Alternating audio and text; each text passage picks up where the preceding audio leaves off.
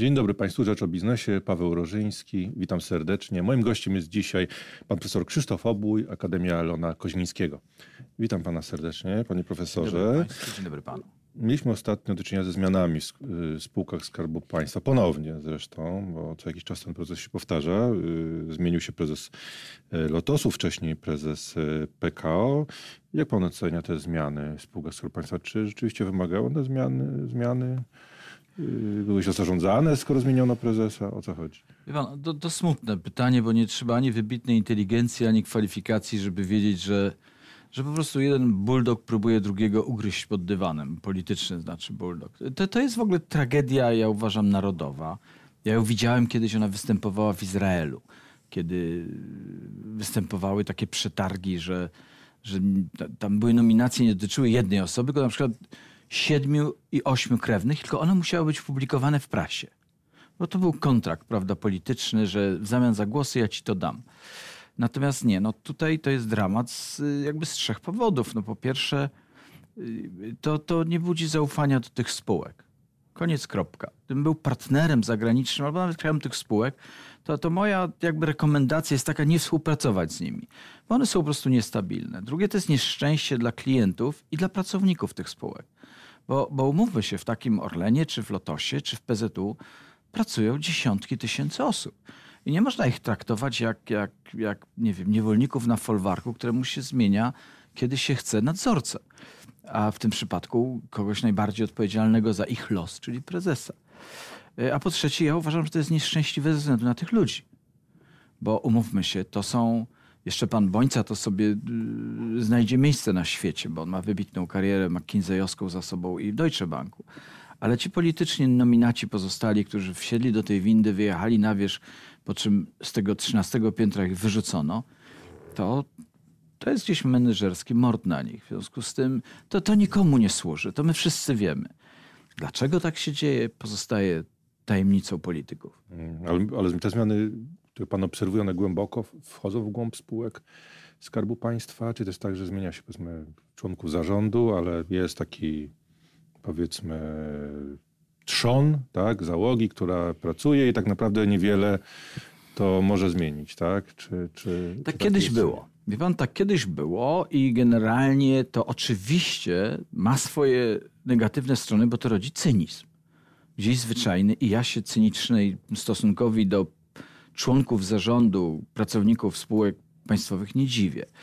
Mało tego, to znaczy to nie rodzi również sympatii i to nie powoduje, że oni mogą pełnić rolę liderów. No, no, nikt normalny i nikt w miarę wykształcony i nikt w miarę kompetentny nie będzie się wiązał z człowiekiem, który następnego dnia, ani emocjonalnie, ani merytorycznie, może zostać wyrzucony z pracy tak. No to nie ma sensu po prostu. W związku z tym wszyscy tu grają jakąś taką y, smutną grę. Natomiast y, oprócz tego, że to rodzi cynizm, to gdzieś zwyczajnie jest, jest, jest ogólnie nieprofesjonalne. I to jakby, to w ogóle właściwie o tym nie wolno i nie należy dyskutować. Tego nie należy robić. Ale teraz mamy do czynienia z takim wspólnym nadzorcą, panem Jackiem Sasinem, ministrem. E, E, Sasinem, który no, jakby teraz ma tą zwierzchność nad spółkami Skarbu Państwa i może jest jakaś szansa, że teraz te kryteria doboru, które zarządzania będą chociaż trochę lepsze niż wcześniej, kiedy rzeczywiście różne frakcje w ramach rządu zwalczały się, wyrzucały swoich e, ludzi z zarządów, później wracali, no, działy się różne dziwne rzeczy. Czy teraz jest szansa na zmianę? Moim zdaniem nie. Bywają takie osoby, taka propos. Na przykład taki był minister Zdrojewski w kulturze który mianował ludzi niesłychanie kompetentnych na stanowiska dyrektorów muzeów i dyrektorów placówek kulturowych i posługiwał się bardzo rygorystycznymi kryteriami merytorycznymi, tak samo kiedy był prezydentem Wrocławia, jak i potem, kiedy pełnił funkcje polityczne. Ale to jest rzadki byt. Generalnie ci ludzie, i to nie dotyczy tylko PiSu, mimo że PiS jest ekstremalnym przypadkiem, ponieważ trochę wracając do pana poprzedniego pytania, kiedyś wymieniano zarządy. Natomiast zapisu się wymienia zarządy, wymienia się dyrektorów i zrywa się podłogę.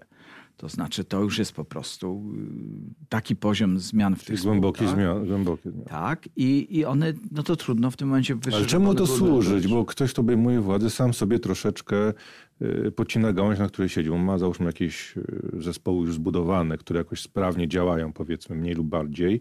A teraz ściągając jakichś kolejnych ludzi nowych, no dużo ryzykuje, tak? że, że, że dojdzie do pogorszenia w zarządzaniu, w wynikach firmy. On nic nie ryzykuje, bo to w ogóle nie jest dla niego kryterium. Dla niego, to znaczy nie, umówmy się, to jest, to, to, jest władza, można ją różnie nazywać, prawda? To znaczy plemienna, jakaś tam mało demokratyczna, jak mówi Orban, demokracja nieliberalna, prawda? Czyli po prostu niedemokracja. E, W związku z tym tak naprawdę liczy się kontrola, liczy się władza. E, To, czy ta spółka będzie miała wyniki dramatycznie dobre, czy, czy, czy okej, czy nawet słabe, nie jest naprawdę fundamentalnie ważne, bo, bo to by oznaczało, że, wie pan, no, proszę państwa, to by oznaczało, że jak ktoś myśli o wynikach tej spółki naprawdę, to trzeba mieć horyzont dziesięcioletni. Takie PZU, czy taki KGHM, czy taki Orlen w horyzoncie roku czy dwóch nic się z jego wynikami nie stanie. W horyzoncie 5, 7, 10 lat ta spółka może straszliwie podupaść albo może straszliwie nabrać wartości. Nie, przy krótkim horyzoncie i przy bardzo politycznych kryteriach doboru yy, właściwie nie ma szansy, żeby te spółki funkcjonowały bardzo dobrze. Zawsze mogą liczyć pewnie na ochronę państwa i tutaj y, pan się zgodzi, że no, nikt nie pozwoli, żeby wpadły w jakieś tarapaty, więc to też może być trochę demoralizujące. Nie mówię akurat tylko o tych konkretnych spółkach, ale generalnie spółkach Skarbu Państwa, które no, No, no wie pan, większość tych spółek jest quasi-monopolistami. To znaczy, umówmy się, no to co, ja będę się denerwował na Orlen, w związku z tym gdzie indziej zatankuję? No nie, no znaczy PZU ma tam swoje 50% rynku i, i, i gdzieś jest y, w sensie kapitałowym bardzo porządną spółką. A jak to się ro- rozwiązuje za granicą? Na przykład no, mamy we Francji też mamy rynek y, bardzo mocno państwowy, jeśli chodzi o własność. Tak? Jest bardzo dużo spółek z udziałem Skarbu Państwa i czy tam y, mamy no, podobne choroby jak w Polsce? Czy mają jakiś patent na to lepszy? Tak, w większości krajów świata i myśmy też mieli takie patenty. To znaczy, y, bo myśmy przecież ucząc się tego, jak budować demokratyczne państwo, zasięgali różnych, czy sięgaliśmy po rozwiązania z Wielkiej Brytanii, z Francji, y, z Ameryki, z Niemiec, z różnych miejsc. To znaczy, oni mają wybitne szkoły zarządzania, mają tą swoją szkołę administracji, która jest w rankingach na tam pierwszym czy drugim miejscu, to zależy, przez które jak przez młyny idą ludzie, którzy następnie są przez no, polityków wkładani do spółek Skarbu Państwa. To znaczy, oczywiście, że są to nominacje polityczne, natomiast to są nominacje polityczne ludzi merytorycznie spełniających relatywnie wysokie kryteria. No u nas też, no, jeżeli y, wspomniał Pan o y, prezesie y, Lotosu, ale też tak. w wielu, wielu innych spółkach, są to ludzie, którzy mają często no, bogate kariery menedżerskie. Czy to nie, nie, niekoniecznie muszą być ludzie przypadkowi? Tak, tam gdzie jest, są, znaczy wiem, są takie przypadki. Ja muszę powiedzieć uczciwie, że ja nie wiem, z czego to do końca wynika. Z krótkości półki i w którymś momencie z rozpaczy takiej, takiej władzy politycznej mówi, no nie, no musimy sięgnąć do jakichś ludzi, którzy są neutralni wobec nas, ale merytorycznie poprawni. Czy też to może wynikać trochę z sytuacji, yy, no, no mi się raz zdarzyło zostać przewodniczącym Rady Nadzorczej PZU, jak mi wyjaśnił potem jeden z uczestników tego procesu, była taka niezgoda na temat kandydatów, że w końcu zdecydowano się wybrać osobę, która wydawała się być absolutnie neutralna i kompetentna, ale to był, jak mi wyjaśniono potem, absolutny przypadek. Ale czy przy pewnych warunkach y, mogą spółki państwowe, y, czy z udziałem Skarbu Państwa być dobrze zarządzane? Mogą. Absolutnie tak. To znaczy one, ja bym powiedział tak, one nie mogą być bardzo dobrze zarządzane. Po prostu i zwyczajnie, bo one są w warunkach tego rodzaju presji, która zmniejsza szanse na racjonalność decyzji. Natomiast one mogą być dobrze zarządzane i były takie czasy, prawda, i w PZU, i w KGHM-ie, i w Orlenie i tak dalej, gdzie ci prezesi mieli horyzont 4-6 lat i, i te spółki naprawdę inwestowały, funkcjonowały, miały, miały koncepcje strategiczne. Nie, to nie jest niemożliwe. Natomiast to wymaga jednej rzeczy, po pierwsze właściwie dwóch. Wymaga tego, żeby włożyć tam ludzi merytorycznych I oczywiście to nie muszą być żadne orły.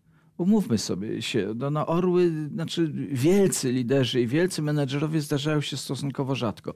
Aha, i oni tych pozycji nie zaakceptują. Po prostu i zwyczajnie. Bo, bo, bo, bo niby dlaczego mieliby? Polska jest bardzo szczególna, bo, bo ona nie ma dużych firm. W związku z tym tu, jeżeli ktoś chce i ma ambicje być prezesem bardzo dużej firmy, to właściwie poza spółkami państwowymi nie ma dla niego miejsca. Prawda? Na świecie jest inaczej. Ale może doczekamy się takich właśnie takich ludzi jak Lia Koka, Jack Welch czy Steve Jobs, tak? No, można by długo wymieniać, to są ludzie rzeczywiście wizjonerzy, tak? I jednocześnie e, charyzmatyczni przywódcy. Może... My mamy takich ludzi. W ogóle ja chcę powiedzieć, znaczy to my nie mamy bardzo dużych firm, ale mamy firmy już, powiedziałbym, dostatecznie duże. Jak na Polskę, która jest niewielkim krajem i niewielką gospodarką relatywnie. Mówimy o firmach prywatnych. W tym tak. Momencie, tak. Mamy takie LPP z Markiem Michałowskim, który jest właściwie takim... Ja, ja uważam, że w Polsce jest taka piękna kategoria niewidzialnych liderów. Taki Marek Michałowski w LPP, taki, taki pan Józefowicz prawda, Jarosław y, w TZMO, tacy krzanoscy w nowym stylu. Znaczy niby oni są pewnymi osobami, które są celebrytami, bo oni dostali swoje nagrody, prawda, dostali swoje rozpoznanie w Rzeczypospolitej, w Forbes i tak dalej. Ale prawda jest taka, że oni gdzieś w sposób inteligentny pozostają w cieniach i budują spółki, które mają po 3, 4, 6 miliardów złotych obrotu Y, to jest jak na polskie stosunki bardzo duże, bardzo duże spółki. Tylko warto pamiętać o tym, że tak zwani hidden champions, ukryci czempioni w Niemczech mają jako próg odcięcia około 5 miliardów euro. W związku z tym jakby ci hidden champions, czyli tacy ukryte małe tygrysy, to tam zaczyna się od 20 miliardów złotych. To znaczy nam jeszcze trochę jeszcze do tego Potrzebujemy trochę czasu, żeby... Ale chcę powiedzieć bardzo wyraźnie, mamy bardzo dobrych liderów. Mamy bardzo dobrych menedżerów, którzy budują porządne spółki, często są ich współwłaścicielami, umiędzynarodawiają te spółki, dokonują akwizycji międzynarodowych i są absolutnie w klasie światowej. Proszę być, jaki właśnie, jeżeli już mówimy o wielkich liderach, jaki, jak, jak, jak, jaki ten wspaniały, wielki lider, najlepszy lider powinien być? Jakie składniki powinien mieć w sobie? Och, to nie wiadomo. Pan, gdybym, gdybym... Taki dyktator na przykład, czy raczej taki bratający się z załogą, nie wiem, wizjoner, czy taki księgowy bardziej? To jest jeden z największych przemysłów świata, pisanie książek o przywództwie. Dlatego, że to, to, to oprócz książek kucharskich i książek yy, typu poradników obudź w sobie tygrysa, prawda, albo coś podobnego, no na to jest największy rynek, bo każdy chciałby poznać tą receptę. Ale mówiąc bardzo poważnie, po pierwsze było bardzo dużo badań na ten temat naukowych i one nie są oczywiście w pełni takie konkluzywne, żeby nam powiedzieć, jest taka recepta. Ale jak pomieszamy naukę ze zdrowym rozsądkiem i obserwacją praktyczną, to takie trzy rzeczy na pewno się wybijają. Po pierwsze, oni muszą myśleć bardzo niezależnie. Yy, oni muszą w pewnym sensie być w kontrze wobec dominujących tendencji. Dlatego, że nie da się zrobić nic nowego, nic ciekawego i nic wielkiego, robiąc to samo, co wszyscy, tylko trochę lepiej.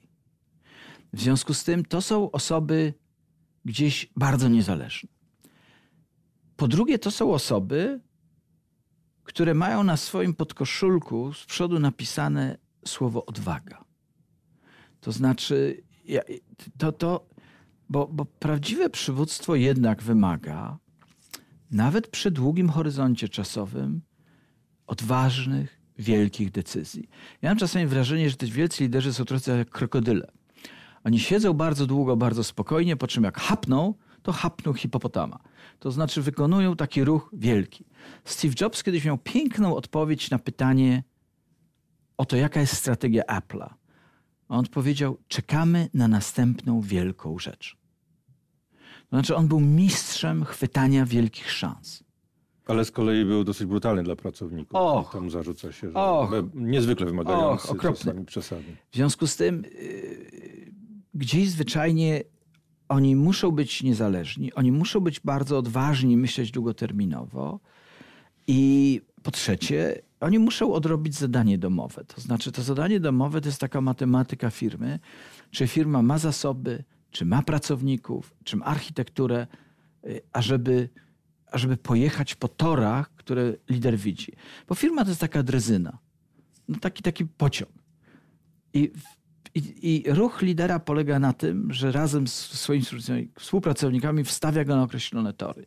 Tylko to muszą być te wagony i ta lokomotywa i ci ludzie, żeby, żeby pociągnęli to. Yy, panie profesorze, ale czy widać w tej chwili, jak w ostatnich latach zmienia się styl zarządzania firmami? Czy widać jakieś trendy, mody? I co ważne, czy widać jakieś zmiany w kontekście yy, spowolnienia, a być może zbliżającego się kryzysu? Ja po pierwsze powiem, ponieważ ja jestem naukowcem, proszę Państwa, znaczy mam dosyć duże doświadczenie praktyczne, ale ja jestem naukowcem, w związku z tym ja, ja strasznie szanuję dane. Prawda? Bo każdy może mieć swoją opinię. My nie mamy dobrych danych na temat tendencji w zmian w zarządzaniu w polskich firmach, bo nie ma takich falowych, systematycznych badań na tej samej próbie Ale firm. może za granicą? Tak, na zagranicą największe są oczywiście w Stanach Zjednoczonych i są takie ośrodki w Holandii, we Francji, które takie badania, takie panele całe ciągną. I powiedziałbym tak, że, że widać z nich, że pewne rzeczy się nie zmieniają. Po prostu się nie zmieniają. To znaczy, firmy muszą budować strategie, mobilizować swoje zasoby, podejmować duże decyzje. Jeżeli chcą rosnąć szybko, to muszą rosnąć przez akwizycje. Jeżeli chcą rosnąć wolno, to mogą sobie pozwolić na to, żeby rosnąć przez dywersyfikację i wejścia na kolejne rynki. Y, umiejętność dostrzegania i wychwytywania szans, taką jak na przykład dla wielu firm w Europie był 89 rok, kiedy otworzyły się granice do Central Eastern Europe i można było tu wjechać, kupić inne firmy, zbudować się. Prawda? Bardzo wiele firm niemieckich czy francuskich jakby dostało butlę tlenową dzięki, dzięki Europie. Te trendy, które są i które widać, to wszystkim dotyczą technologii HR-u, czyli zarządzania ludźmi. Tak, wchodzi na rynek, czy weszła grupa ludzi, która jest w cudzysłowie mniej zdyscyplinowana, mniej jej zależy na karierze, jest bardziej wrażliwa i jest gotowa, kiedy szef zachowa się dyktatorsko, wstać, rzucić swoje papiery, trzasnąć drzwiami, wyjść i w ogóle się i zapomnieć o tym, że ta firma istnieje. Czyli to znaczy, że koniec szefów dyktatorów? Nie, bo firma to jednak nie jest rodzina ani klub towarzyski, prawda? W związku z tym tam obowiązuje pewna dyscyplina, ale ja chcę powiedzieć, że koniec, no nie, ma pan rację, koniec szefów dyktatorów. Ludzie zaakceptują dyscyplinę, nie zaakceptują zachowań, które są kiedyś to się dawniej nazywało niekulturalne. To może Steve Jobs już nie wróci, ktoś tak jak Steve Jobs już nie wróci jakby na, na, na firmament. To jest trade-off, to jest kompromis pewien. To znaczy ja, jest taka piękna, Mr. Honda na przykład, ja przerabiam taki case ze swoimi studentami o Hondzie. Honda wyrzucił gejszę z drugiego piętra. Pił jak smok. Jak robotnik go zdenerwował, to wziął drewnianą pałkę i go obił po głowie. Rozebrał się na golasa przed swoimi pracownikami i powiedział, a teraz pokażę wam, jak się rozbiera i składa motocykl. I rozebrał i złożył na golasa motocykl. Znaczy trudno, i moje pierwsze pytanie jest zawsze, patrząc zwłaszcza na kobiety, które siedzą na sali, czy chcielibyście pracować dla tego człowieka? I sala się zawsze dzieli. Są osoby, które mówią, koszmar, ale był geniuszem. Był genialnym inżynierem, miał koncepcję, miał wizę. Tak, zapłacę taką cenę. I są osoby, które mówią nie. W związku z tym to jest bardzo indywidualny na końcu wybór. Dziękuję panu bardzo za rozmowę. Moim gościem był pan profesor Krzysztof Obój, Akademia Leona Koźmińskiego.